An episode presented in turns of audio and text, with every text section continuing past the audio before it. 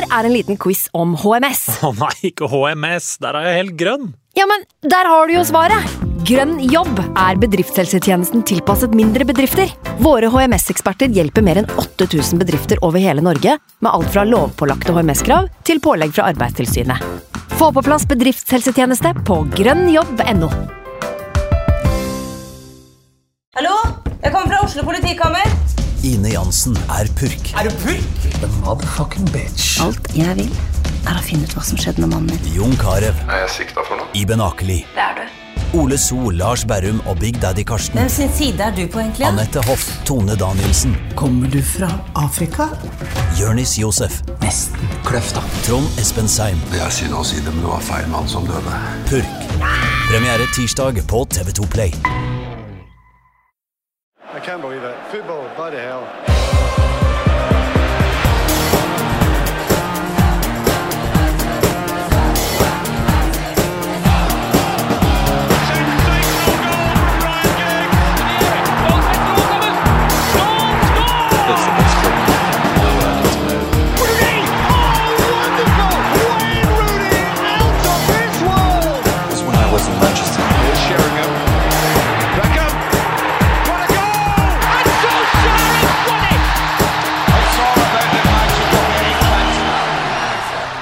Godt nyttår og velkommen til United We Podcast, årets eh, første utgave. Jeg har med meg Anders Serener. Godt nyttår, Anders. Godt nyttår, Ken. Mats Arntzen, velkommen til deg også. Godt nyttår. Hei. Godt nyttår. Eh, jeg tok en øl med Jostein Flo i jula. Oi. Det var kanskje ikke sånn man trodde den første eh, United We Podcast eh, for dette året skulle starte, men eh, sånn ble det nå. Jeg har et poeng her også. Eh, fordi han omtalte da, Jostein Flo, han omtalte konsekvent Manchester United som bare United. Eh, under hele samtalen vår. United var gode, og så snakka sånn. Uh, og han har jo da spilt for Sheffield United, og hans favorittklubb er Leeds United. Så jeg tror liksom at der og da, i jula, så la jeg den debatten dø. Det er bare ett United. Og det er det United vi skal snakke om nå, gutter. Uh, I uh, en god time framover, kanskje. Vært, uh, det er jo veldig mye å snakke om. Det har vært spilt voldsomt mye kamper eh, siden vi var her sist. Fire i tallet. Manchester United har eh, vunnet alle sammen. Og ikke sluppet inn mål. Hva er dommen? Men det begynner å bli bra nå, da. Så eh, Shaw ser ut som Er det noen bekker som er bedre i verden akkurat nå? Varan ser ut som den Varan man håpa han skulle være, og Casemiro er, eh, har løfta laget nesten enda mer enn eh, man turte å håpe på forhånd. Eh, så det ser jo veldig bra ut, og så ser man at mange lag rundt sliter. Ja. Det durer og går for Arsenal, det durer og går for City, det fungerer bra for Newcastle, men de andre topplagene, der er det jo mye som surrer og skurrer, som det har gjort i United de siste årene. Så for en gangs skyld så er det jo faktisk United som ser ut som et lag som um, fungerer, da. Og det er man jo ikke så vant til. Nei. Er det sånn at du tør å, å tro på det du ser på, Anders? Eller har, Man er jo litt, uh, litt skada som Manchester United-supporter etter så mange år med mye rart. Jeg har aldri vært her uh, på innspilling med en bedre form, faktisk. Oh, ja. Eller at United har vært i bedre form. Jeg satt og så på City-Chelsea i går og tenkte at uh, United hadde slått begge de to lagene. Sånn de så ut i går. Ja. Uh, og Det er også en første gang for min del. Og jeg tror det faktisk er lov å håpe nå, i motsetning til tidligere. Selv om jeg også har håpet har bare blitt eh, hjerteknust. Men nå tror jeg faktisk på kjærlighet. Ja, du gjør det. Du tillater deg selv å bli knust igjen, fordi du har, er såpass positiv akkurat nå. Altså Jeg bare swiper, og jeg får matches. Altså Ja, det, det- det føles bra. Eh, Jeg tenker at Vi eh, skal snakke litt ekstra om den siste kampen som har blitt spilt, nemlig Bournemouth-kampen. Det er vel den som er friskest i minne. Men aller først er det noe dere vil trekke fram fra de andre seirene, altså mot Burnley, Nottingham Forest og Wolves. Er det så mye å trekke fram? De hadde jo, har jo hatt ganske god kontroll. da. Eh, Wolves stanga det jo litt en periode, men de skaper jo mye og slipper stort sett til lite. Jeg syns egentlig de slapp til nesten litt mye mot Bournemouth nå Ja. på slutten. At det ble litt, eh, litt i overkant slakt. Ja, På 2-0 så begynte de å slippe litt opp der. Ja, og Ten Hag snakka vel litt om det, og at han, han liker ikke at det er sånn Hawaii og masse strekk, mye strekk i laget og så Mm. videre. Så vanligvis så har det jo ikke sett så veldig sånn ut. Eh, Rashford virker jo å ha blitt frisk igjen. Rygggreiene hans er kanskje over. Det får man jo håpe. Nå har han skåret i alle de fire kampene. Eh, Det er vel første gang han også har skåret i fire på rad. så vidt jeg vet. Og han har fått seg en signaturfeiring. Hva er det, hva er det han gjør nå? Det har jeg ikke tenkt på. Jeg vet ikke om han eh, peker mot huet, Ja. eller om han, eh, han- han har en sånn eh, cold feiring, som de kaller det. Og det Ja. ser bare kult ut. Det er enten liksom, Jeg vet ikke helt hva det er, for det er enten eh, eksekusjonspelotong eh, eller jeg er smart. Jeg er ikke helt sikker på hva det betyr. Nei, altså Vi får håpe at det ikke er en sånn suicidal feiring, men Ja. altså det, han, han ser jo faktisk ut som den Rashford vi håpet skulle komme for et par år siden. Mm. Og er jo desto kulere at han blir satt på benken mot Ja, det ikke. var mot Wolves. Det var mot Wolves Ja. i eh, første omgang. Forsov seg. Det har vi alle gjort. Eh, og det er det kult at det er en indre justis som gjelder alle. Det tror jeg er jævlig bra for den troppen. Sikkert bra at det er Rashford også, da, som er veldig sånn Slår meg ikke som den største bråkmakeren i den garderoben der. At det er jo perfekt å statuere et eksempel, og åssen det blir også. Også hvordan han reagerer, svarer etterpå. Det han leverer når han kommer inn, at det går bra. altså Det var jo Ten Hag enda en fjær i hatten til han. Det har, alt går jo hans vei. Han har jo vunnet alt av internkamper og rett og slett eh, Det har jo vært en kjempesuksess for hans del så langt. Det er kanskje det der som er synes jeg kanskje det kuleste eksempelet, eller det beste eksempelet på at ting går riktig vei. At eh, den beste spilleren blir satt på benken etter å ha forsovet seg og kommer inn. God stemning, scorer, eh, snakker varmt, klemmer Ten Hag etterpå. Det er kanskje det United har savnet mest de siste årene. Altså, Kunne Erik Den Haag løst det der noe bedre? Altså, Nå er han jo heldig med alle utfallene også, som du er inne på, da, Mats. fordi Um, hvis, nå, nå er det Han setter Rashford på benken i den formen han er, og han er beste spilleren til Manchester United framover der. Og Hvis de hadde kommet ut av den Wolves-kampen uten seier, da, eller kanskje til og med med et tap, og Rashford eh, hadde kommet inn på et eller annet tidspunkt, så hadde det hatt en helt annen smak. Da hadde man ikke sittet og liksom tenkt sånn perfekt løst det. Da hadde man heller tenkt sånn kanskje du bare skulle latt den spille eh, og drite i den indre justisen akkurat nå. Men så, nå får han jo begge deler, da. Han får liksom statuert eksempelet sitt, han får satt på plass den greia der, og han får også på en måte ehm, hva skal man si, Han får gira opp Marcus Rashford litt òg, virker det som. Og rotert på laget i tillegg Ja. i et program, så det var jo alt uh, gikk jo veien. Han fikk jo spilt, han spilte vel 90 nå mot Bournemouth uh, siste, og- det tror jeg han ikke hadde gjort hvis han hadde spilt Nei. hele forrige år, for det går, går jo slag i slag. Jeg synes det er imponerende, og nå er det jo sånn Det er en United-tropp uten Pogba eller Ronaldo eller lignende, da. Det er en stund siden man har hatt en garderobe helt tilsynelatende uten store uromomenter. Ja, for hvem er egentlig, Det er jo, må jo alltid være én. Hvem er divaen? Liksom, i det Hvem er det råtne Ja, eplet hvem er det råtne? Hvem er på en måte superstjerna i den troppen her, da? Altså, det er jo mange, Du har jo eh, Varan og Casemiro og sånn som er, er superstjerner, men de er jo ikke det av personlighet, på en måte. Nei, de har liksom de, de spillerne der Man får jo en følelse av at de er Det er ikke de som eh, drar eh, laget i feil retning, da. Det er de, de, det er de som er veldig lead by example, og de kan jo på en måte slå i bordet med de Champions League-trofeene de har, og så har du Bruno Fernandes som virker som en veldig sånn fin type, egentlig, da. Som en, har på en måte riktig drittsekk. Han er liksom drittsekk på riktig måte. Ja. Dama sa det, han, Bruno han klager på dommeren hele tida. Han gjør jo det. Ja, han absolutt hele Og han er sur hele tida. Jeg tenkte ikke så, altså Det er jo helt vilt. Han er liksom helt perfekt tenningsnivå. Og han virker som han drar med seg folk, da, ikke drar ned folk. Um, så det er, det, det er så harmonisk og fint. Begynner å ligne tropp. Begynner å ligne tropp, og Det var så vanskelig å analysere trynet til Fernandes etter den der siste assisten til Rashford. Ja. Eh, Sånn, Er han sur? Er han blid? Er han fornøyd? Altså, men han er bare riktig drittsekk, som du sier, Mats. Så, og Det er også sjukt ærlig å si at han kan ha en uh, dårlig kamp. Altså Han får jo en uh, assist også, men og uten at laget kollapser helt. Nå er det andre spillere som også kan uh, plukke opp litt, da, hvis han slacker av.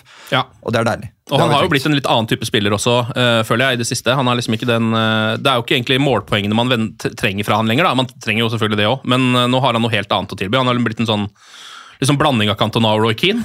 Som er ålreit. Sånn 50% av begge to. Men han skal ikke være i noen sånn ekstra halvrolle ute til høyre eller venstre. Altså, han må være i midten. Og det var veldig trist med van de Beek nå, eh, som fikk den skaden. Og han gjorde det jo helt greit, liksom, men nå er den, den veden der er bløt, altså. Ja. Den, den må man bare gi opp. Det blir ikke noe fyr der, rett og slett.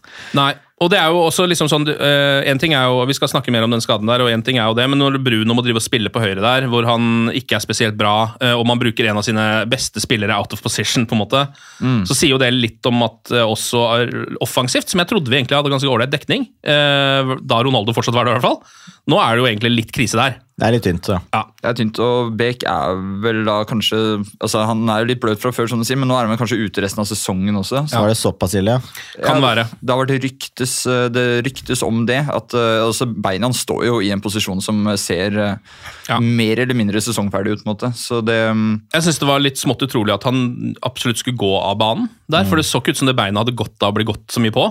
Nei, det var jo fælt. Ja. det er ingen av oss som hadde gått av banen med, med den skaden her, men det er jo Jeg altså, har sett korsbånd bli nevnt, og allerede da så er det litt sånn å nei. Det kan ikke sikkert det er det, da, men ja. Og noen ligamenter og noe surr. Men på et sånn medmenneskelig perspektiv så er det vanskelig å ikke få vondt av fyren. Og det er litt, litt fint at han blir liksom klappa av, og uh, alle skjønner jo at de, han blir jo ikke noe United-stjerne. Han gjør ikke det. Nei. Han gjør ikke det, og nå kunne, skulle han liksom gjøre den lille jobben som han fortsatt kan gjøre, da, som er som en squad-player, og så skjer det her, og så er det liksom, det er bare uhell over hele linja for fyren, stakkar. Eh, vi må nesten også bare eh, snakke kjapt om det målet til Rashford mot Wolves, for det er jo egentlig en klasseskåring. Eh, kommer helt på slutten der, da må jeg egentlig ha begynt å liksom tenke at det her kan bli vrient å vinne den kampen her. Det var Roberto Carlos, var det ikke det, som slo Jo. en i, i bakrommet der? Jo, det var det. Uh, og der er Rashford, og det han får til der det er liksom en, For første gang jeg ser det, så tenker jeg at han er ganske heldig. At han liksom egentlig klarer å ta ned ballen først, er litt sterk, og så er det, tro, tror jeg da, at det er en Wolves-spiller eller to som er borti ballen på vei, men det er det jo ikke. Når du ser det i etterkant, så har han full kontroll på den situasjonen og bare dytter unna folk, stopper opp litt, en slags skuddfinte, og bare setter den. da. Det er jo helt fantastisk bra gjort. Lagt inn noen timer øh, på benken, tror jeg. Uh, Marcus Rashford blitt litt sterkere og har bare en sånn når han får ballen, her, så ser du at han tror på det selv. Ja. Eh, Det har ikke alltid vært sånn. og Får han vel mellom beina på en spiller der. og Ja. Litt sånn, litt tur, men eh, det, han, eh, han er på riktig vei. Altså. Mm. Vi blanda mål når jeg snakka med Bournemouth uh, siste der. Men uh, uh, den skåringa mot Wolves er også den, Det er, det er kvalitet, han er så sterk i kroppen òg. Mm. Altså, hvordan han på en måte holder den unna. Um, Det er to-tre Wolves-spillere som ligger og kaver rundt han. og han har bare fått en touchet sitter, liksom. Det har, og rykket er der, og selvtilliten. Det er, det er noe helt nytt. Og jeg var veldig redd for at han på en måte var ferdig en stund. For Ja. at det, det ryggregnet som han aldri kom tilbake fra. Han så ikke like rask ut. Nei. Han så ikke like rå ut. Nå har han fortsatt, nå har han igjen det derre steget da, hvor han bare toucher ballen sånn akkurat langt nok. Det ser ut som det er et litt for langt touch, men han er så rask, og det, det er helt perfekt. Ja. Og litt sånn, Den følelsen får man også med det, på den Wolf-skåringa. Skal jeg si hva jeg tenkte da han satt den mot oss? Det er, eh, det er kanskje litt sjukt å si, men det, er, det var noe Solskjær over den avslutningen. Det der å komme seg inn i banen og så mellom beina på en stopper tilbake der. Ja. Litt à la den eh, Solskjær hadde mot Liverpool for eh, 173 år siden. Eh, Ja. semifinale i FA-cupen eller hva det var. Han kunne jo ha to der òg. Ja, han kunne jo det. Ehm, jeg føler også at det målet der var hva skal man si, Det var, det var noe Mbappé over det òg. For han, han starter jo det hele selv fra liksom hjørnet av 16 der. Og gå bare på på en måte, på en vegg som er ganske vrien å få til. Eh, det funker, og han klarer å holde unna. Det er bare så mye klasse da, som skal til for at det der skal bli mål. For det er jo egentlig liksom ABC fotball. Det er bare ball, ball, ball. Liksom, En liten trekant. Men så er det så mye som skal til for at det fortsatt skal funke. da. Det var også, jeg så han uh, ringside mot Iran. Da var også, var han Ja. megapigg og hadde noen skudd, altså, de Skuddfintene hans er helt rå. Du, jeg, man går på de fra tribunen, på en måte. Iran sleit med skuddfinter, altså. Eh, der var det, det var opptil flere i den Jeg kampen hadde, ikke, jeg hadde ikke sett det før. Og Rashford kjørte vel to sånne mål, gjorde det ikke det? Eller sånn? Det var i hvert fall, ja. Det er litt deilig når du ser kamera bli lurt av skuddfinten omtrent. Ja. Jeg vet at du gjør noe riktig. Og også det, vi må, kan jo nevne det, og frisparkmålet til eh, Rashford fra VM, det var jo også gull. Det var jo veldig få frisparkmål i dette VM-et, eh, men Marcus Rashford sitt, det var jo det absolutt beste. det var helt fantastisk. Um, ok, men eh, vi må, et par andre ting vi må nevne også, før vi går løs på Bournemouth. Ehm, vi kan jo nevne at eh, Luke Shaw har vært og spilt stopper i et par matcher nå, både mot Forrest og Wolves, og gjort det vel med såkalt bravur, har han ikke det? Jo, og det var vel først Casemiro som spilte stopper i, mot uh, Burnley. Ja. Eh, og så sa Ten Hage at det var to stykker som hadde meldt seg, den andre var så. Og man skjønner jo hvorfor. Eh, det, er veldig, det er litt sånn de som melder seg for bare 'jeg kan stå keeper', Ja. og så er de helt sinnssyke i mål. Ja. Så er sånn som stopper. Utrolig deilig ro og, og alt. eh, og siden det er en United-pod, så Han er jo bedre stopper enn van Dijk akkurat nå, og bedre back enn Robertson, så det er jo ja, Det er deilig å si det. Akkurat, akkurat etter jul har han jo faktisk vært det. Ja. Begge har slitt. Nå ble jo van Dijk skada, da, stakkar. Men uh, um, Sa han med et smil. han, eh, han uh, har vært eh, veldig, veldig, veldig bra eh, de matchene her. Og han var god i VM òg. Ja, han var det. Han synes det var liksom, jeg, ble, eller, jeg ble ikke sjokkert over at han funker som stopper, for han har jo mange forutsetninger, men han er jo også såpass eh, liten og tett at man skulle tro at han liksom ikke kanskje vant alle de eh, luftduellene og sånn. Men han gjorde det òg, kom liksom alltid foran. Og det minner meg litt om, fordi han spilte jo sammen med Varan i tospann i de to kampene. Eh, og da var det liksom litt som uh, Lisandro Martinez og Varan, da, med en liten venstrebeint stopper og Varan ved siden av, liksom. Så den komboen var akkurat som han bare, var bare sånn Du skal bare gjøre det samme som Licha pleier å gjøre. Og det fikk han noe til. Og jeg tror det der er viktig for Ten Hag altså, at Shaw melder seg der. fordi uh, Det er tydelig at han er veldig interessert i å ha en venstrebeint stopper. Ja. Eh, og Shaw fyller jo mange av de samme kriteriene som eh, eh, Martinez. Gjør det imponerende bra. Roberto Carlos, som Ja. jeg ser han nå bare er omdøpt til. Ja, det er det, det er det han heter nå. Men altså, Shaw er, han må bare ha konkurransen. Det er et eller annet ved, eh, altså, Da Telles kom inn så var han jo knallgod Ja. i eh, noen matcher. Og da Så- Malaysia kom inn, så var det liksom plutselig Malaysia tatt plassen hans, og så ble han bare bedre igjen. Ja, han er sånn liksom Dama sier at hvis du ikke begynner å ta opp asken nå, da er det slutt. liksom. Dette er siste gangen. Og da, da er det noe helvetes eh, husvask og rydding hjemme til en måned eller to. Ja. Så jeg bare håper han klarer å liksom, at han har blitt en ny mann nå. At han fortsetter å gjøre jobben.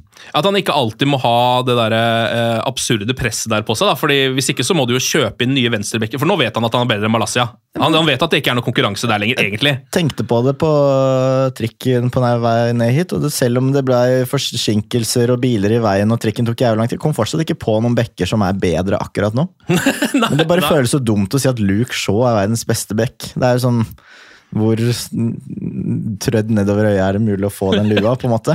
Ja, men akkurat nå er han det, fordi nå er- det alle de andre sånn Cancelo er ikke helt på det nivået han akkurat nå, da. Han kommer sikkert tilbake dit igjen, men Han spilte høyre kant da, nå plutselig, ja, så det er sant, det.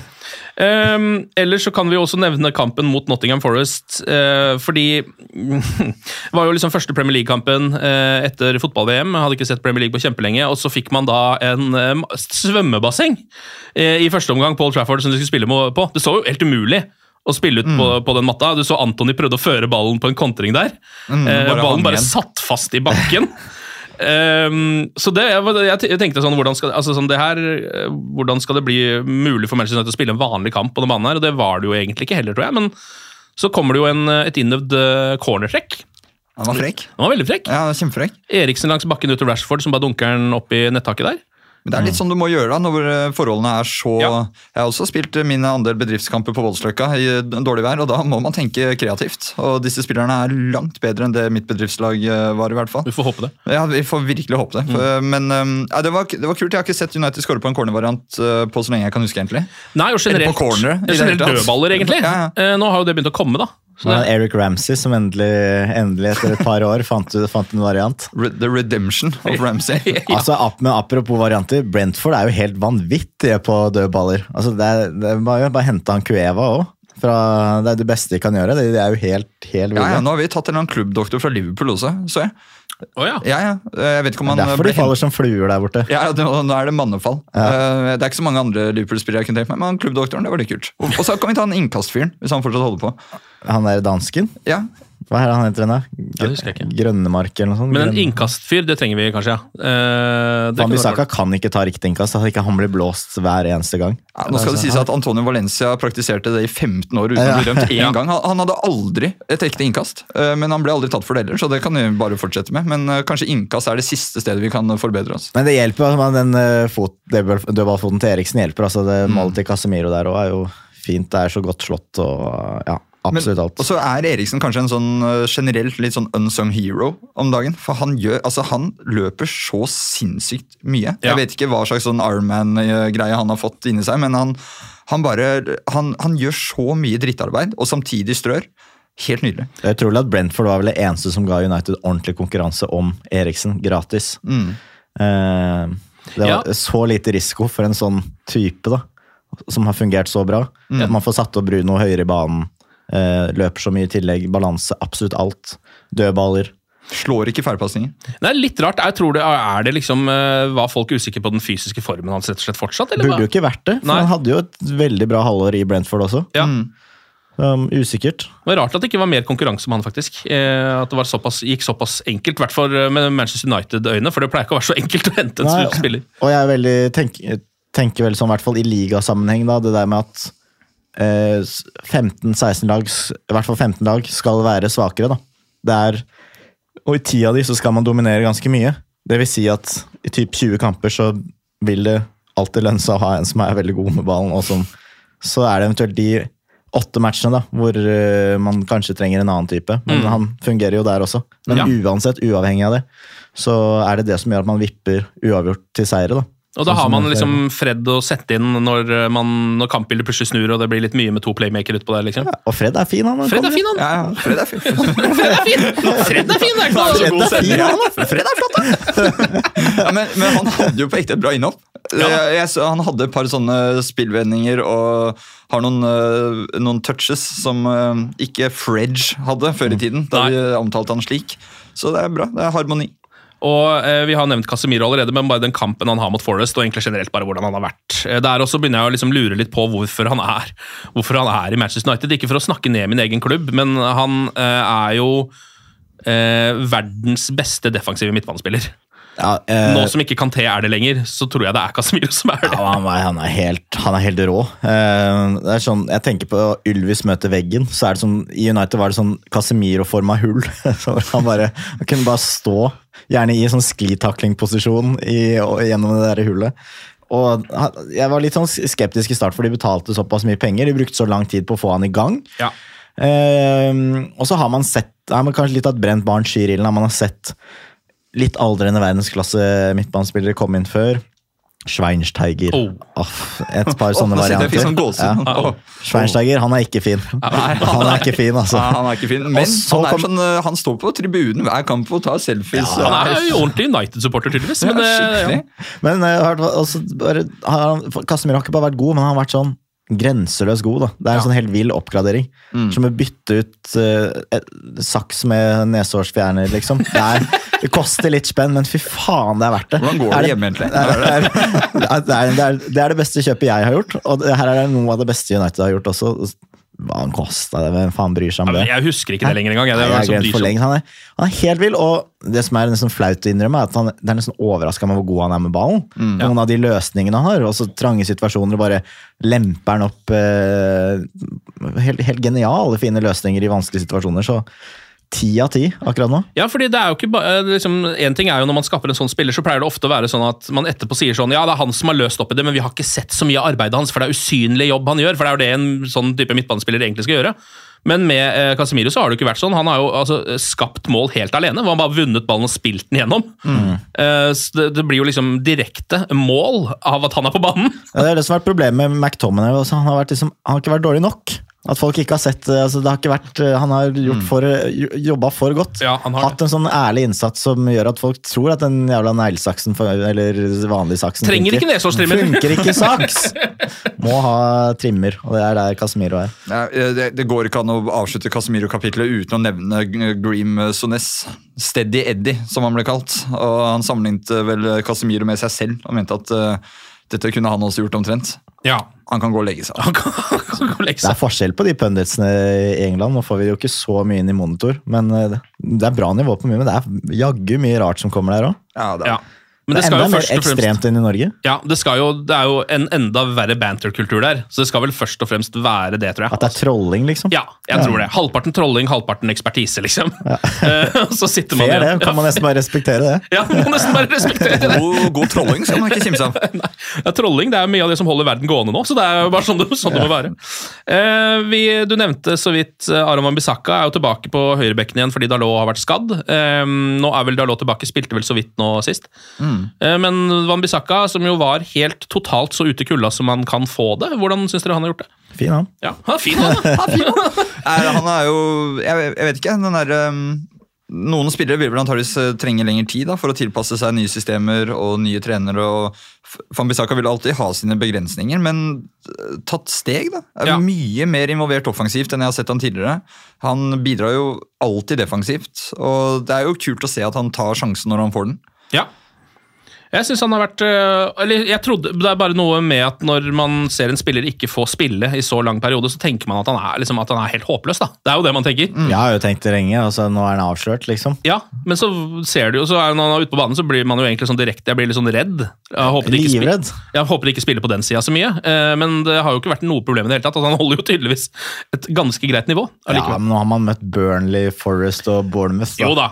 Blant annet. Så Jo da, men han spilte ikke de kampene engang. Før, Nei, liksom. Jeg bare tenker at det er lurt for Solk nå, mens folk tenker at han funker i PL. så kan han komme seg et eller annet sted hvor han kan få takla litt mer. Det fortjener han. han er, altså Hvis du har en hund i byen, da, du må sende den ut på gården, så han får løpt litt. Ja. Og sånn er det med Van Bissaka. Han, han fortjener å takle litt mer. Han skal ikke drive og ha ballen masse og bygge opp noe spill. og Han skal ikke være sånn nei, overlappsbekk. eh. Nei, og så kommer han inn, og så skal Ten Hag begynne å ha at liksom motsatt bekk skal inn sentralt i banen og sånn. Det må ikke han Nei, gjøre. nei, nei. nei, nei, nei. Det, det er en tikkende bombe. Altså. Så kan gjøre det, liksom. Malassia kan gjøre det, men jeg tror ikke vi skal sende Wabisaka inn i Men han har klart seg bra, og så må, nå må ikke han bli en sånn uh, McTominay-variant igjen. Da, at man lar seg lure til å tro at man har en god nok høyrebekk. For det er jo, mm, sammen med spissplass, kanskje den mest åpenbare posisjonen å forsterke, syns jeg. da. Ja. Nå har jo um, Dalot tatt den plassen på mange måter. Jeg tror han kommer til å ta den tilbake igjen også, eh, når han nå kommer tilbake etter skade. Men jeg var litt uh, sjokkert over at han faktisk også, i hvert fall i flere kamper, hadde den plassen for Portugal i VM òg. Istedenfor Cancelo på høyre. Så han er tydeligvis ansett som en ganske bra høyrebekk nå, da.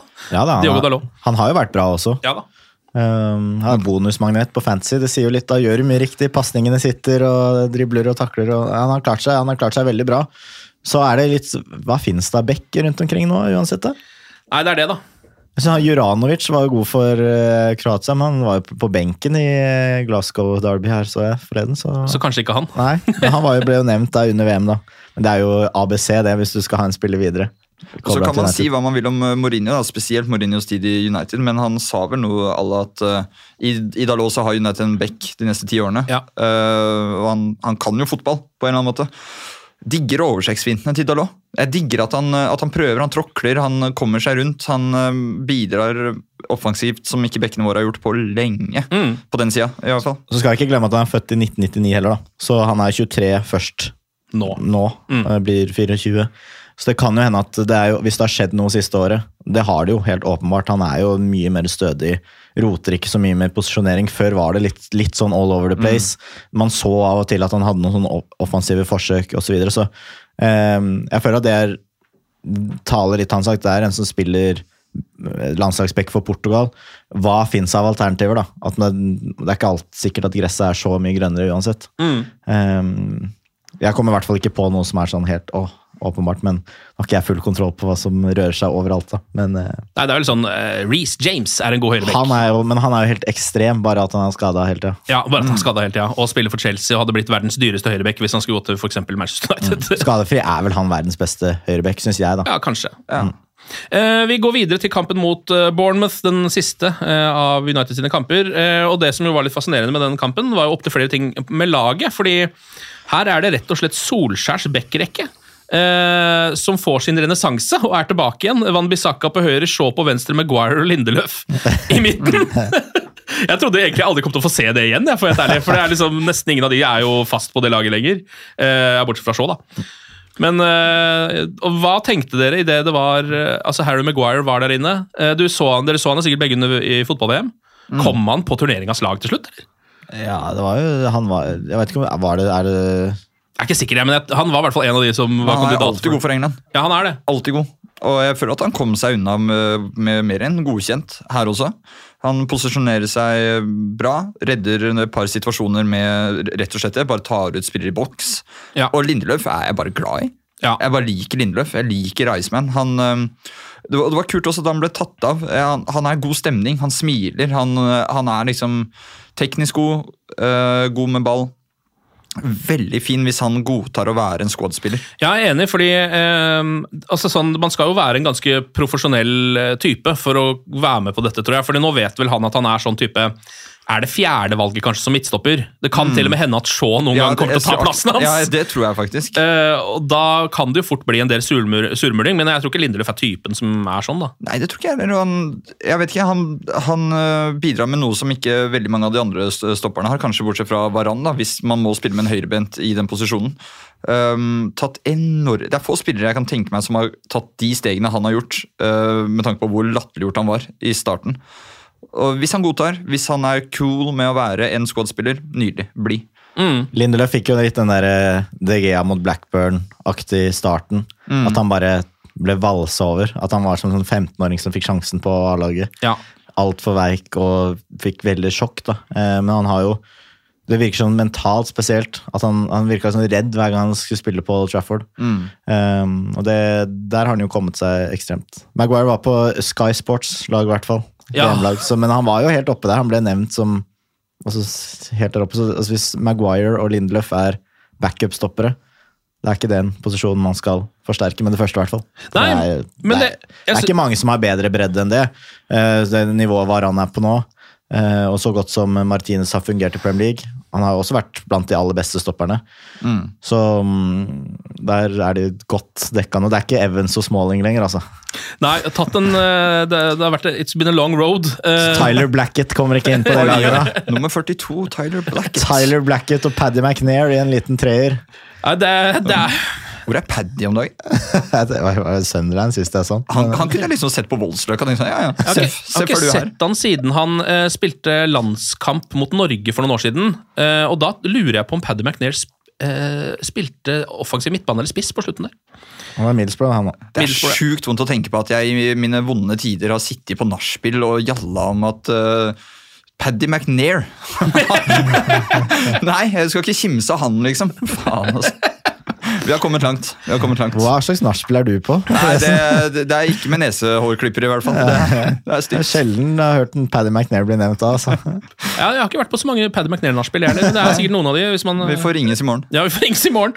Eh, men jeg, det, jeg syns jo det her er litt sånn eh, Man skal jo gi litt eh, Som United-supporter litt kudos til Southgate, da, som jo på en måte tok hva skal man si, den jobben der for Ten Hag, egentlig. Altså Den jobben med å la Maguire spille på seg selvtillit. For det har vært vanskelig å gjort i Premier League, tror jeg, på flere måter. Både fordi han driver og driter seg ut hele tida, og fordi han egentlig ikke har tillit i det laget. da. Men i England har han jo det, og nå har han liksom spilt på seg det igjen. og Det var liksom akkurat som å se en ny Maguire igjen når han kom inn for United òg.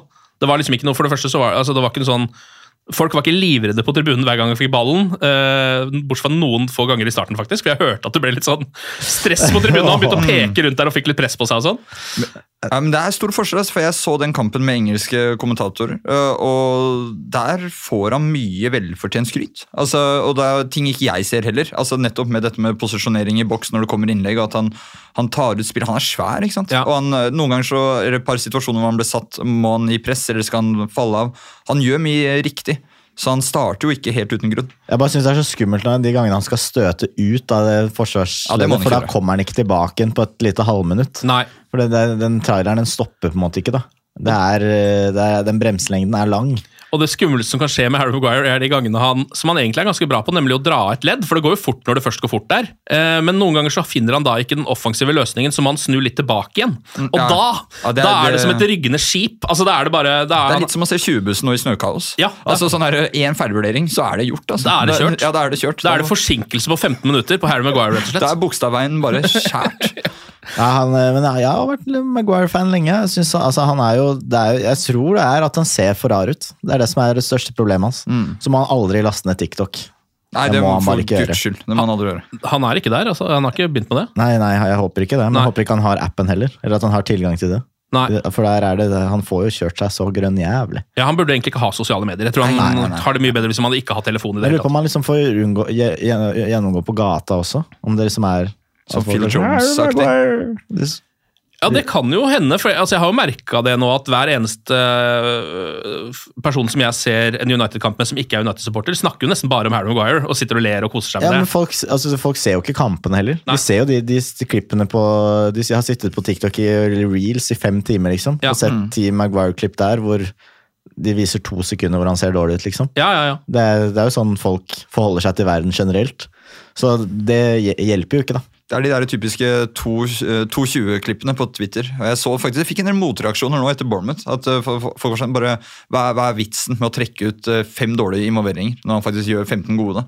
Men eh, sånn er internett. Det var den ene han hadde hvor han støta ut der hvor de, s- øh, han Antony, het han ikke det? Jo, han? Anthony Anthony. Jeg ble forvirra hele tida. Ja, øh, han- kom igjen Han der. er Jaden Antony, som er veldig for forvirrende for folk som er United-sport. Hva er det for en rar hybrid? Ja, hvem er det? Liksom? Er det begge vingene våre satt sammen? eller? Eh, Nei, DGA var jo helt vill, da, forresten. Apropos det. Ja, øh, han, øh, han var det. Han hadde jo øh, en periode der vi skal komme tilbake til det, men da er United litt ute å kjøre, og David Hea holder de ikke inne i kampen, for de leder 2-0, men 2-1 der hadde vært litt skummelt. da. I hvert fall for et lag som ikke slipper inn mål. Så hva hadde skjedd hvis det plutselig kom et i sekken? Men eh, lenge så har de jo veldig grei kontroll på den kampen mot Bournemouth, egentlig. Eh, uten å skape altfor mye. Så kommer det da, eh, som mot Forest, et dødballmål som skal liksom starte hele ballet. Eh, 23 minutter er jo den gylne høyrefoten til Christian Eriksen. det. Perfekt slått inn på Casemiro med sånn kontrollert innsidevolley opp i krysset. Eh, liten eh, Solskjær ned på knea-feiring foran eh, fansen Paul Trafford, og så er det 1-0, da. Og så skjer jo det som eh, var kanskje den eneste tingen i den kampen her som virkelig ikke var bra, som var litt tragisk, nemlig at Donny van de Beek får seg en skade rett eh, på overtid i første omgang, er det vel? En gang. Eh, og det så virkelig ikke bra ut i det hele tatt. Beinet står feil vei. Eh, du ser det på fjeset til Donny van de Beek. Han er en blanding av å prøve å være heltemodig og å gråte samtidig. Mm, han var som meg som åtteåring som trynet på sykkelen. Altså, sånn her, du, du, du kjemper imot, men det gjør så vondt i sjela på en måte at du må gråte litt. Ja, jeg tror han skjønte hva det der var. Ja, virka, det er sånn Man blir mest redd. At det er vel så mye som smerten, antar jeg. da. Mm. Uh, Det er jo sannsynligvis kanskje spikeren i United-kista for hans del, da, hvis han ikke er tilbake i år. Ja. Så da ebber jo det der ut, dessverre. Og det Mm. blir vanskelig å finne noe nytt i sommer nå. Det er det som er et enda større problem. Ja, altså Noe som til stallen, mener du? Ja, for hans del. Ja, for han, ny klubb for han, ja. Mm. Med tanke på de følelsene du, han får da. Um, Jeg syns det lukter litt Ajax. Altså. ja, man må vel hjem. Kjøre, kjøre en sånn Glimt-variant. Henter tilbake Mm. Ja, Men du skal ikke kimse av det heller, fordi det skjedde jo med Daily Blindt, og nå er han i Bayern. Ja, Ja. Så Vet du Det syns jeg var så koselig. Jeg unner han det. Han til å, jeg er sikker på at han kommer til å være dritgod der også, når han får muligheten Ja, de to, to gangene. Sikkert perfekt spiller for Bayern. Altså Ja, ja. Squad-play for Bayern, han. Um, ok, men det er pause, da. United går inn eh, til pause med 1-0-ledelse og en eh, skade på Donny van de Beek. Um, og så starter jo andre omgang ganske så bra. Uh, tre minutter ut i andre omgang så er det Shaw som er ute og kombinerer med Rashford langs krittet på venstresida, som har sett 100 ganger før. Eh, Shaw finner etter hvert Bruno midt i banen. Han ruller den videre til Garnaccio, som da kom inn for van de Beek. Garnaccio inn i feltet igjen til Shaw, som ruller ballen inn med høyrebeinet sitt. Et mål som er altså regissert, eh, produsert og skåret av Luke Shaw. Ja, det var fantastisk. Ja. Nydelig. Han starter jo det hele helt, bare sånn en helt uskyld... Altså han har, han har, det er bare en bekken har ballen på egen eh, venstreside eh, på egen banehalvdel. Det er liksom ingenting, egentlig. Ender opp med mål. Jeg tror ikke vi skal undervurdere den touchen han får. Altså den, der, den, den er så deilig. Den, når han får den tilbake fra Rashford og bare touch fem meter frem, akkurat forbi midtbaneleddet der, da er det gjort. Ja. Da er Bournemouth helt åpne. Og han, Jeg visste ikke at han hadde et høyrebein engang. Det tror jeg ikke han visste heller, faktisk. Nei, Men den sitter. den sitter, den. Eh, så det er jo helt fantastisk å se Luke Shaw i den formen der. Eh, når man liksom ikke bare er eh, en overlappsbekk, men en, eh, en bekk som kan ja, kreere mål, da, rett og slett. Fra ingenting. Det er fantastisk. Eh, og så, på 2-0, så eh, har United for så vidt ganske mange, eller sånn ok sjanser, da, til å øke. Både ved Martial, ved Ganacho og ved Bruno Fernandes. Og så er Bournemouth også på noen visitter. Sånn eh, to-tre ganske feite sjanser får de faktisk i den perioden her. Som David Hea da redder, som han skal få kred for, fordi han har jo da nesten ikke gjort noen ting hele kampen. Um, så han Altså, er jo vi, vi, iskald. vi tar han for gitt, altså. Ja. Det er jeg helt sikker på. at uh, vi, vi, er, vi er blitt for vant til det. Vi er blitt for vant til at han bare tar alle de der. Men det er jo ganske ville redninger, Ja, alle sammen. Og jeg syns det er hyggelig å se at han snakker fint om kontraktsbehandlingen nå. Uh, jeg, ikke kluss opp det. Nei, ikke, det- ikke surre til det nå. Jeg antar at United kommer til å hente en keeper til i løpet av om det blir til sommeren eller neste år, men jeg ser ikke helt problemet med å bare fortsette med David Ikea i mål heller. Jeg kan ikke skjønne hva som er problemet med det. Nå syns jeg han har blitt bedre til å spille seg ut bakfra også. Litt bedre med beina. eh, er litt mer utafor 16 og fisker opp ting. Nettopp. Og, altså, det der Spania-laget, som uh, ikke gjorde det veldig bra i VM heller, var det noen av de keeperne der som var bedre enn David Igea? Det er det jo ikke. Der Det er er det noe det. annet som er grunnen til det. Jeg vet Ja, det- ikke hva som er grunnen til at Lucien ikke, ikke velger David Egea, men det uh... Jeg tok heller ikke med Thiago, for eksempel. Nei. Så, Nei, det er vel, men det er jo mm, keeper-type smak, da. Det er jo litt samme problemet som man har nå. Men jeg, jeg syns det virker som han er ute og sweepa litt her, og Ja gjør trygge, fine valg med beina og setter i gang ålreit. Så Mm. kanskje det ikke er for seint å lære en gammel hund nye triks. Og så tror jeg det er litt kult for DG å ha en type som Casemiro for eksempel, å kunne spille opp på. da. Eh, For jeg har sett at han slår noen av de der pasningene langs gresset midt oppi banen nå. Tror ikke det var like kult eh, til Schweinsteiger eller til eh, Eller eh, Max Aas, for den saks skyld. Nei. Nei, jeg tenker at det er liksom ikke der man skal blåse penga da, eh, på en ny keeper akkurat nå, for det er såpass mange andre steder man trenger å bruke de. Mm. Eh, og så blir jo kampen da eh, Er vel kanskje allerede avgjort, men blir i hvert fall avgjort etter 86 minutter. Da er jo Luke Shaw eh, en av banens absolutte enere i denne matchen her, som nok en gang er involvert. Denne gang med en følsom 30-meterscrosser i bakrom. Ja, der kom den, var den jeg begynte å snakke om i sted. Ja, Eh, for en sånn der, han får sånn doink på kula. ja mm. bare schmoing! Rett over i Alt ser så lett ut for han. Han må ha fått et eller annet sånn derre i Harry Potter, hvor unge lyttere har vi? Så har vi mellom 20 og 30. Er de mellom 20 og 30? Tror det er noen som har fått med seg konseptet Harry Potter. Liquid luck, heter det. Hva er det for noe? Det er sånn eh, han får for at uh, alt skal gå hans vei. Ja. Og så gir de det egentlig til Ron for at han skal lykkes i, i den der er. Men så er det bare placebo. Nei. Så det er kanskje Ja, det de har gjort for Shaw nå også. Eh, At de har gitt han litt liquid luck, eller placebo-effekten av det. For Det er kult å se det i saktefilm, for at han bare mottar ballen, titter opp, og det er ganske sjukt å se det løpet bare sånn så kjapt. Doink, rett over, og fra han slår den ballen, så er målet ferdigskåra. Ja, det er det. eh, For da er det jo bare Bruno som egentlig bare demper den til Rashford, sånn at han skal score igjen. Mm. Og det gjør han, da. Eh, Og så er det 3-0 og vekk med en med den kampen her, egentlig. Men eh, det er akkurat som Luke Shaw liksom har Fordi jeg har, jeg har sett at han har en ok venstrefot, har jeg tenkt før, men nå har jeg begynt å se at han har Nå har han, nå har han blitt følsom. Nå har han fått seg, nå har han fått seg følsom Begynte venstrefot. man ikke å le da han slo corneret før? Veldig lenge gjorde man sånn det. At, eh, eller, vi lo jo da Phil Jones slo corneret. det er noe greit nok. altså, Ja, ja, men- Det der armene opp i været og det, det bildet glemmer Shaw jeg aldri. fine ass. corner òg. Så eh, han, han blir jo blander seg, men det er vrient å stå ved siden av Eriksen og Bruno og kreve Ja. å ta de. Og Rashford på frispark i tillegg. Ja. Eh, ok, men da eh, var den eh, grei, og Manchester United eh, har eh, fire strake seire. Eh, hva tenker dere nå, da? Fordi eh, nå har jo resultatene gått Manchester Uniteds vei i en runde eller to. Eh, og det ser ganske ok ut på tabellen. Hva kan man begynne å håpe på nå? Det var vel liksom en topp fire vi satt og snakka om på forhånd, altså før sesongen. At det var det Ten Hag måtte ha. Har vi liksom høyna de forventningene nå, eller hva tenker dere? Newcastle ligger jo oppi der. De holder de helt inn, liksom? De virker jo ganske solide, da. Ja da, de gjør det. Men eh, ja, det er Jeg vil jo si at tredjeplass burde kanskje være det som er målet. Ja. Eh, we go for the second position in the league. Faen, det er noe av det beste. Vi går for andreplass i år. We go for second And I said yes! We go for it! Nei, um, ja, det er jo det man kanskje bør eh, håpe på. Det er nå på Footmanager man får sånn Vil du justere opp forventningene? Ja. Og så får du bitte litt mer penger, Ja. men det er ikke verdt det. Fordi det er, de stigende forventningers forbannelse, det er en reell greie som man skal passe seg for. Men jeg føler at det også er reelt nå, at forventningene blir naturlig når man ser eh, hvordan United har spilt nå, og hvor de ligger på tabellen, og du ser hvilke lag som ligger rundt de, så blir det å ta den tredjeplassen, syns jeg er en helt sånn eh, Den er glassklar, syns jeg, som en forventning nå. men for altså, det er hvordan- Newcastle som ligger der, liksom. Hvordan skal vi ikke bli håpfulle? Altså, det er, det, du, ser progresjonen kamp til kamp, og jeg så en annen statistikk. Uh, Ten Hag har vel bedre win percentage Win-prosent enn uh, Klopp og disse andre, Pep Guardiola og sånn til og med, i sine første kamper. Eh, han har jo fått skikk på laget, og troppen ser ut som en sammensveisa tropp. Eh, de andre lagene rundt surrer, som du var inne på, Mats.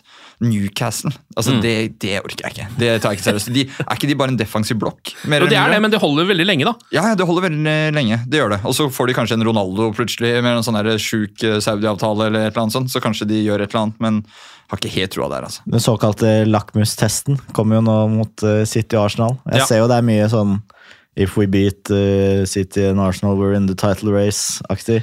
Det skal Ja. jo gjøres, da. Ja, eh, men eh, det er jo ikke altså Sånn som det ser ut nå, så er det ikke helt uh, usannsynlig at det skjer. At de kan vinne begge de kampene. Det vil jo være en prestasjon, selvfølgelig, men at de i hvert fall vinner én av de, føler jeg nesten er realistisk akkurat nå. Ja, ja, absolutt. Eh, og da vil det jo være på en måte altså, jeg vet ikke, Title race, Arsenal ligger jo fortsatt såpass langt foran, da. En ny Eh, poeng opp. Ja, Men det vil jo nærme seg inn mot City der, da, og det er bare det å liksom, ja, komme seg inn der og ligge og jakte litt, kan Ja. jo funke. Er man gjennom de matchene, så er det de fire neste i ligaen. Palace hjemme, Leeds borte, Leicester hjemme, Brentford hjemme. Mm. Før det er Liverpool. Så det er, eh, det er jo sånn typisk man ser av dette er tolv poeng, og så blir det, har det ofte blitt fem. Da, Ja. ja. Så blir det heller seier mot de vanskelige laga. Det er jo Ja. sånn det har vært. Det eh, er Solskjær, Solskjær-tiden. Men Men, det, er, men alt avhengig av lagene rundt, tenker jeg. Og City er en overgangssesong. Altså, de, er, de, de er ikke den der forcen de har vært de siste sesongene. Chelsea har vel seks eh, førstelagsspillere igjen snart, som ikke er skada. Ja. Stirling satte seg ned etter et minutt i går. og det, jeg vet ikke, Liverpool er jo ferdig for lengst. Eirar Erar er over, osv. Tredjeplass, andreplass, i hvert fall. Jeg tror altså, Chelsea har tatt er det 6 av 24 poeng eller noe sånt, de siste åtte matchene. Det er jo helt uh, Ja, er- spinnvilt dårlig. Ja. Er det mulig? Og Også- Liverpool også, det ser så shaky ut.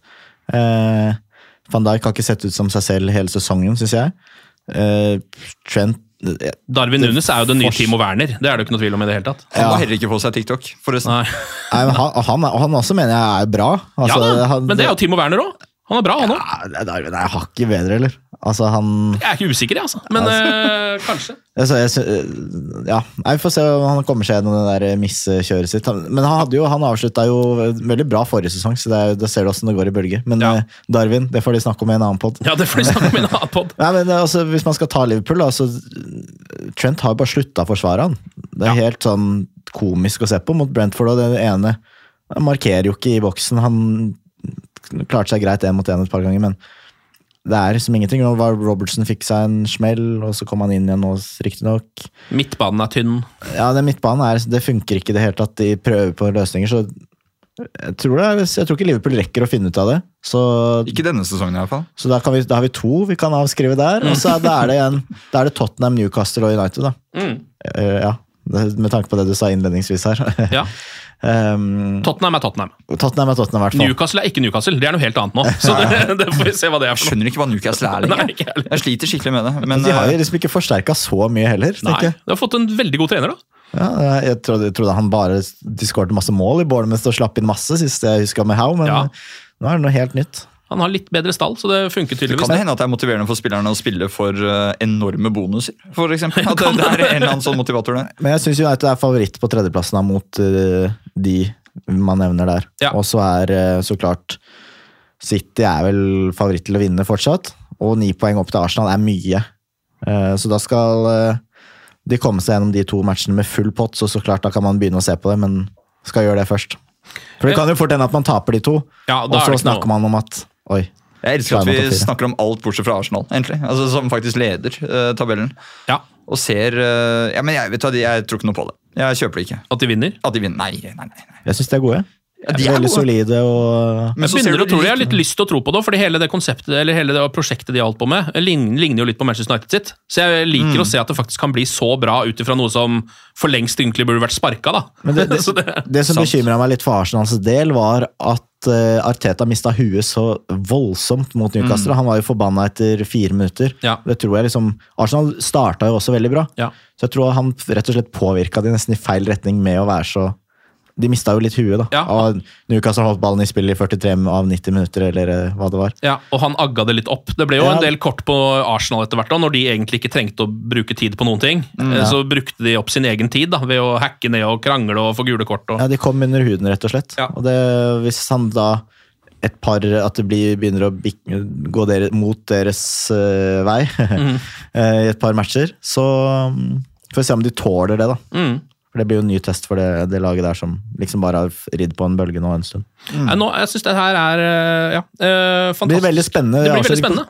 Det, er liksom, det her kommer til å bli en eh, det en veldig gøy sesong, ikke bare for Manchester United-supportere, men tror jeg generelt for Premier League-supportere. Mhm. Det er noe helt annet enn det vi er vant til å se fra flere lag. Jeg bare ble påminnelse om at United møter Barcelona i Champions League åttedelsfinale. For jeg drev og så på kampprogrammet nå. Fader, det skal de gjøre. Skal møte Barcelona i åttedelsfinale. Det rått det blir òg. Det er mye å Ja, i Europaligaen, ja. Ja, Ja, Eh, ja. ja, stemmer det. Oh, det Eller er det, sei, er det åttedel... Nei, 16-delsfinale er det kanskje. Ja, det er sikkert det. Er 16-delsfinale. Champions League. Ja. Det er veldig rart at vi skal møte Barca i Europaligaen. Jeg er så vant til at vi skal opp til sånn Kaukasusfjellen og se på Ja. sånn skurrete 90-talls-TV. Liksom. Skitnik uh, Skendia. Ja, Det blir gøy, da, for det kommer jo til å være liksom en kamp som har flere seere enn alle Champions League-kampene eh, den samme uka. på en måte. Så det blir jo en ordentlig storkamp. Det er gøy. Det har det ikke noe å si om den er i Europaligaen, så lenge det er United at de to lagene skal møtes for å kanskje få lov til å spille åttedelsfinale Ja. i Europa League. Europa League. Eh, vi eh, trenger egentlig ikke å snakke så mye om dette, for man vet jo ikke noe mer. Men eh, siden vi tok ferie, så har jo også Glazerne åpna for å selge. Eh, Eller i hvert fall eh, selge deler, virker det som. Vet ikke helt hva som skjer der, men det virker som det er en mulighet for at noe kan skje. da. Jeg har ikke så mye mer info om det. Jeg vet ikke om det er noen av dere som eh, sitter på noe. Det er jo liksom en, hel, Jeg har ikke noe annen innsideinfo på Nei. Jeg så at han der uh, hårtufsen uh, Abraham Glazer var avbildet i Dubai på nyttårsaften. Og at det ble liksom snakket Det er om. det. ja, ja. Så det er, uh, der var han sikkert bare på ferie. Men uh, det er jo god stemning uansett. Ja. tenker jeg. Det er i hvert fall et uh, positivt uh, signal om at uh, ting kan finne på å endre seg. Og det er ikke bare troppen som, en, uh, som trenger utbedring, det er jo hele stadion og alt sammen. egentlig. Faktisk. Um, ok, vi har fått inn en ny spiller siden sist òg. Jack Butland. Ja. Har kommet inn. Uh, ny, det blir vel fort tredjekeeper, da, kanskje? Jeg vet ikke om han er noe bedre enn Heaton, uh, eller hvordan det der funker. Jeg er så dårlig på, keeper, uh, på keepere på den måten der. Men han, han var vel snakk om han i sommer allerede også. Ja. Uh, tror han var ganske close faktisk til å bli en tredjekeeper. Og så tror jeg, hvis jeg ikke tar helt feil, at Anthony Martial brakk hånden hans i en sånn preseason-kamp med et oh, ja. skudd. Um, så da ble jo ikke den av. Men uh, nå er han der, og han så veldig fornøyd ut på bildet jeg så for en times tid siden. Om å representere Det var ikke United. Aaron Lennon som ble henta. Nei. Kommer da på eh, lån fra Crystal Palace. Dubravka går tilbake til Newcastle igjen. Ja. Så er liksom det greit. Da har vi i hvert fall eh, nok av keepere. Dubravka spilte ja, Han spilte en kamp. Én kamp, kanskje. En kamp, Ligacup eller noe sånt. Ja, noe sånt. Ja. Jeg føler at eh, han er sånn, han er sånn keeper som er et, sånn, et VM for et eller annet land hvor det ikke er så mange andre keepere unna å liksom være verdens beste keeper. Sånn ja. Martinez-aktig. Ja, ja, ja. Pluss- eh, Ochoa. Ja. Keylor Navas. Keylor Navas, ja. Altså, plutselig så står det Det er det som er med keepere. Man veit aldri. Ryan også var jo helt fantastisk for Australia i eh, VM. Han. Ja, ja. Uh, men jeg vet ikke, Butland er jo, han var jo sånn uh, stortalent. Skulle jo egentlig være liksom den eh, nye Joe Hart, eller hva man skal si. Sånn blei det ikke. Nå er han tredjekeeperen til Manchester United en liten periode. Vi får se hvordan det går. Ja. Og vi unner han det. Ja. Det begynner å bli en fin rekke der. Grant og Heaton. ja. Hvem andre er det som har vært innom og røra der en liten Og det har vært mye rart. Det har jo vært alt, alt mulig rart der. Eh, altså Tilbake til gamle dager så var det jo alt mulig sånn uh, Kurtsjakker og sånn som surra rundt der. Og han Taibi husker jeg. Tabbe. Taibi. Ja, Tabbe han var fin. Taibi. Han var god. Ehm, men ja, det er det i hvert fall eh, Det er vel kanskje ikke det vi hadde håpet på av spillere inn. Vi får se om det kommer noen flere også. Jeg vet ikke, Har du noen spørsmål fra sosiale medier? Nå er du SoMe-ansvarlig, Anders. Oh, gøy. Eh, for Kall jeg- meg en influenser. Ja, Du kan få lov å være influenser nå i fem minutter. Det har jeg Er det det egentlig så influensere gjør? Mottar spørsmål og så så tar de videre. Og så pakker de opp ting, har jeg sett på kamera. Eh, Jeg har Ja. ingenting å pakke opp. De spiser chili, og jeg har ikke noe chili her nå. så... Vi har jo vært innom litt, da, men jeg ser at uh, eminente kjendisreporteren i nettavisen Håvard VG lurer på hvilken plass er det troverdig at United kan bør kjempe om nå. Ja, Da var vi vel innom tredjeplass. da. Kanskje altså, Troverdig med andreplass også. Kanskje kunne kjempe om. Vi kan kjempe opp en uh, andreplass. Mm. Vi tar i hvert fall en tredjeplass. Eh, Egon Musk uh, lurer på Løse rykter om at Donny van der Beek kan se fram til et helt år på sidelinjen. Kroken for, på døra for United-karrieren. To spørsmålstegn. Ja. To utropstegn ja. Ja, Kanskje? Ja, To utropstegn, ja. Ja. Dessverre. Dessverre. Synd, trist, leit. Uh, generasjon tippekamp. Har Fambisaka meldt seg på igjen? Hva har skjedd der, tror dere? Ja, eh, han har meldt seg på igjen. Det har han jo i hvert fall som en Ja, på tror- alle mulige måter. Ja, Nå tror jeg han kan brukes igjen og spille hver tredje kamp, eller hva det skal være da, med Dalot som et førstevalg. Hva som har skjedd, syns jeg er verre. Du var jo inne på en teori om at han kanskje bare måtte tilpasse seg noe. Det kan hende. Ja, og så har han jo rett og slett vært litt heldig da, med at han ikke var i VM. Det Ja. var Dalot. Og han fikk da dermed være med på treningsleir i varmere strøk. Og Ja. en natur, altså han, Det var ikke aktuelt at Dalot skulle rett inn på laget igjen. Sliten. Man føler at det teamet, trenerteamet United har nå, er sånn som faktisk kan lære spillere ting. Altså Du kan liksom bli bedre. Det kan bli bedre, ja. Ja, Man glemmer av og til at de driver og trener. De kan jo bli bedre. Jeg, glemmer, altså jeg tenker at det, ja, at det er satt, jeg. At Ja. du har det talentet Så du har, Ja. og det er det. Du kan liksom, fader, lært, Plutselig lærte Van Bissaka seg et nytt triks. Ja. Eller, Plutselig har han lært seg å legge innlegg, f.eks. Ja. Eh, hadde vært helt magisk, det. Ja, det hadde vært kult. Ja.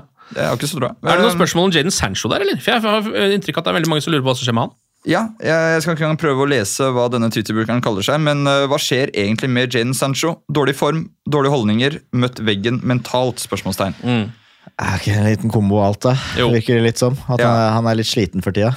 Jeg, jeg så noe greier uh, fra en uh, rimelig troverdig uh, Kjakaballus i Manchester om at han skal ha mistet et familiemedlem oh, ja. og eller en kamerat. Og i tillegg så hadde han vel langt bedre målpoengsnitt enn flere av de som var med i England-troppen. Ja. Uh, og at han kan ha følt seg litt uh, om du vil, urettferdig behandla på noen måte. Mm.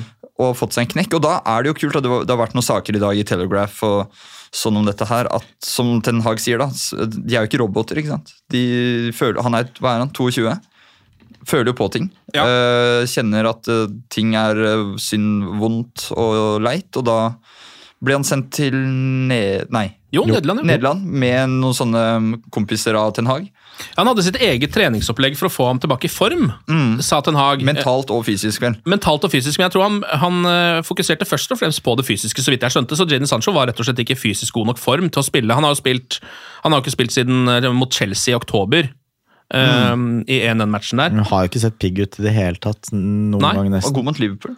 Starta sesongen ganske friskt, husker jeg. Skårte noen mål og Ser ikke rask ut. Han ser liksom Ting går i stå. Han er sånn, han er for veldig sånn Alexis Sanchez-vibber. Ja, dessverre. Man ser han spille. At det, ja, det, ja, det går litt i stampe, rett og slett. Men bare tenk dere den utviklingen. da. Altså, under Mourinho, Jeg er helt sikker på at han hadde mer eller mindre bare blitt pælma under bussen på pressekonferanser og i intervjuer. og i det hele tatt.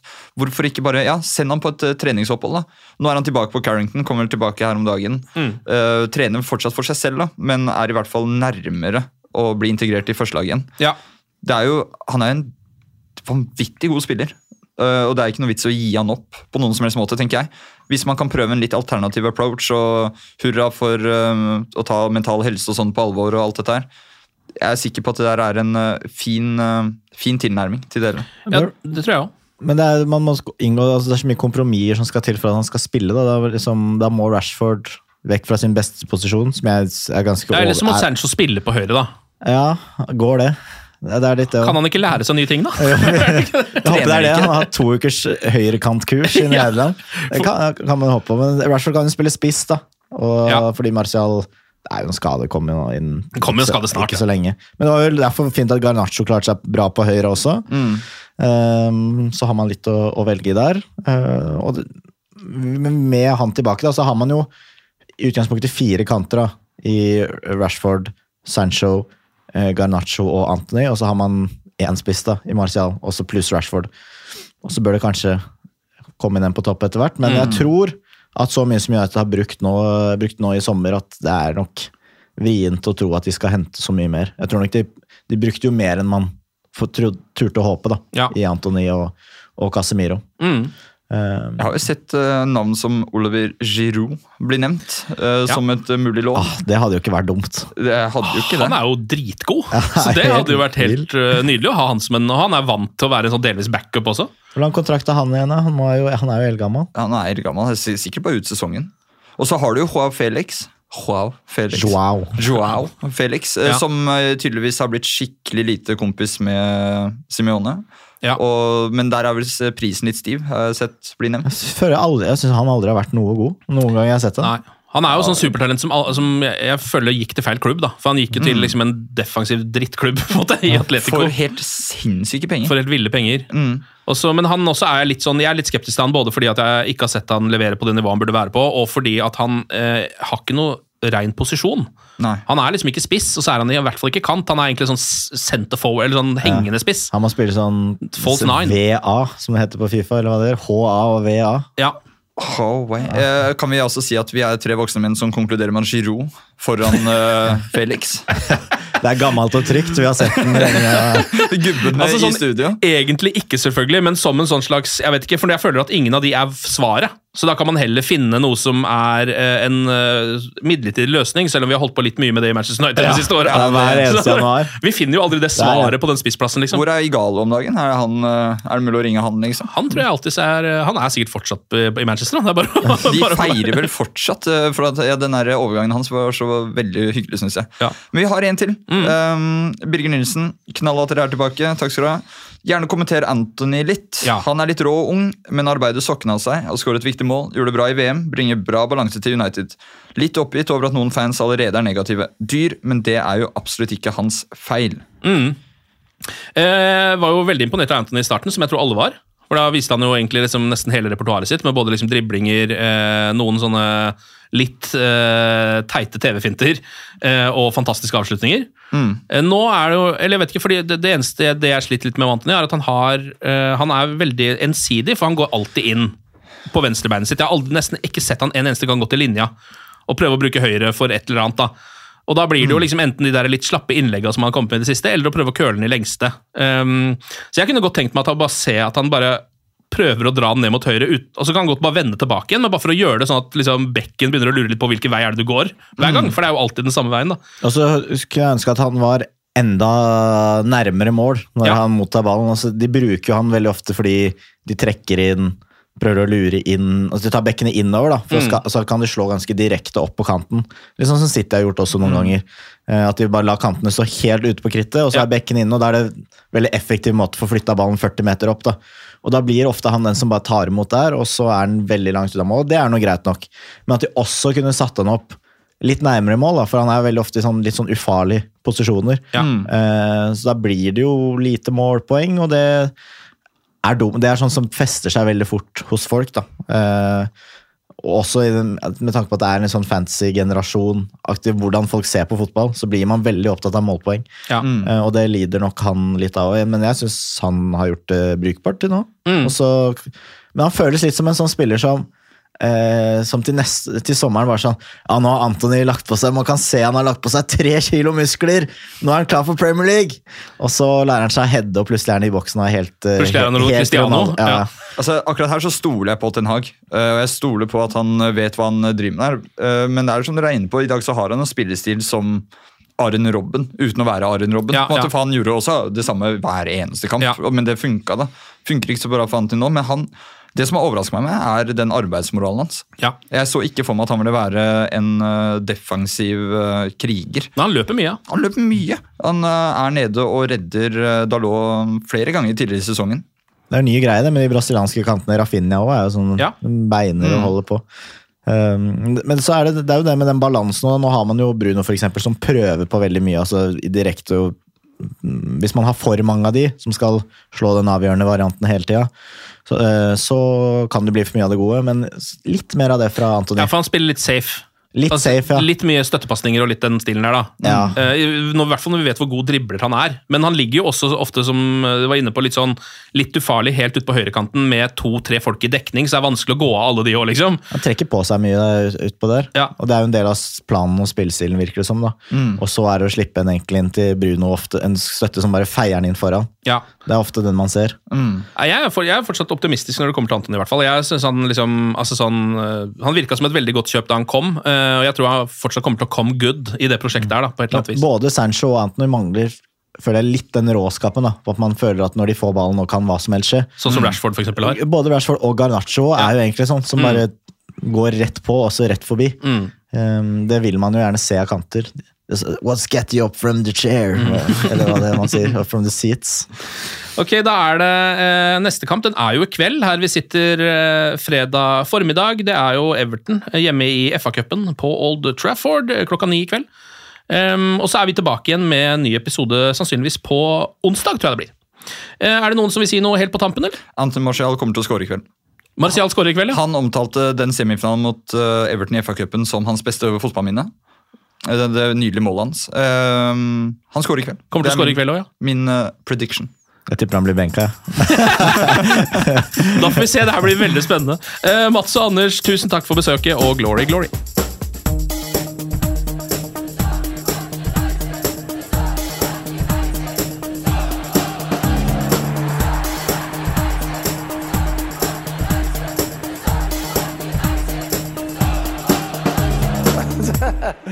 Oh, true.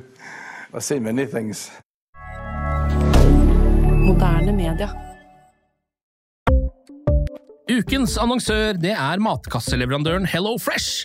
Der kan du velge mellom 25 ulike oppskrifter hver uke, eller få Hello Fresh til å sette sammen en meny for deg. Jeg sparer tid på å handle, oppskriftene er veldig enkle å lage, og så får jeg akkurat det jeg trenger da, til hver eneste rett, så jeg slipper å kaste så mye mat som jeg vanligvis gjør. Det er også litt deilig å faktisk slippe å gå på butikken, ikke bare fordi det er tidkrevende og sånn, men fordi man ender opp med å kjøpe så mye greier som man egentlig ikke trenger, sånn som fire poser eh, Smash og en kick med havsalt, eksempel. Det er ikke det du egentlig er der for, du er der for å kjøpe, kjøpe middag. Så det er en veldig eh, kjekk ting. I tillegg så er det jo eh, ferdigporsjonerte ingredienser, det blir mindre matsvinn, og du betaler bare for det du faktisk trenger, og det du faktisk da spiser. I tillegg så blir det da levert på døra. Eh, til et fastsatt tidspunkt, sånn at du kan få det akkurat når det passer for deg eh, sjæl. Hvis HelloFresh høres ut som noe for deg, så har jeg en rabattkode du kan bruke også. Gå inn på hellofresh.no og bruk koden HelloUnited24. HelloUnited i ett ord, også 24, og få opptil 1779 kroner i rabatt på de fem første matkassene dine hvis du ikke har prøvd HelloFresh ennå. Du kan også bruke koden hvis du tidligere har vært kunde, men har stoppa abonnementet ditt for tolv måneder siden eller mer. Det er ingen bindingstid, og du kan pause eller avslutte abonnementet ditt akkurat når du selv måtte ønske. Husk koden HelloUnited24, og bon appétit! Ukens annonsør er Folio, en smartere banktjeneste for deg som har en egen bedrift eller ønsker å starte for deg selv. Folio er en superenkel nettbank for bedrifter. Som kunde i Folio får du en bedriftskonto med et bedriftskort og app. I denne appen er det smarte løsninger som forenkler regnskapet ditt, uansett om du har en liten bedrift eller et enkeltpersonsforetak. Folio er både intuitivt og brukervennlig, og er laget med et enkelt språk. I tillegg tilbyr de forutsigbare priser og ingen skjulte gebyrer. Skulle du likevel trenge det, så kan du snakke med deres raske og hyggelige kundeservice, og der får du prate med en faktisk person og ikke en chatbot. Folio er med andre ord både enklere og koseligere enn banken. Over 10 000 bedrifter har allerede valgt Folio som sin banktjeneste, så besøk folio.no og se hvordan Folio kan forenkle din hverdag også. Har du et enkeltpersonforetak eller en liten bedrift? Da er du sikkert lei av å høre meg snakke om hvor enkelt det er med kvitteringer og bilag i fiken, så vi eh, gir oss her, vi. Fordi vi liker enkelt. Fiken superenkelt regnskap.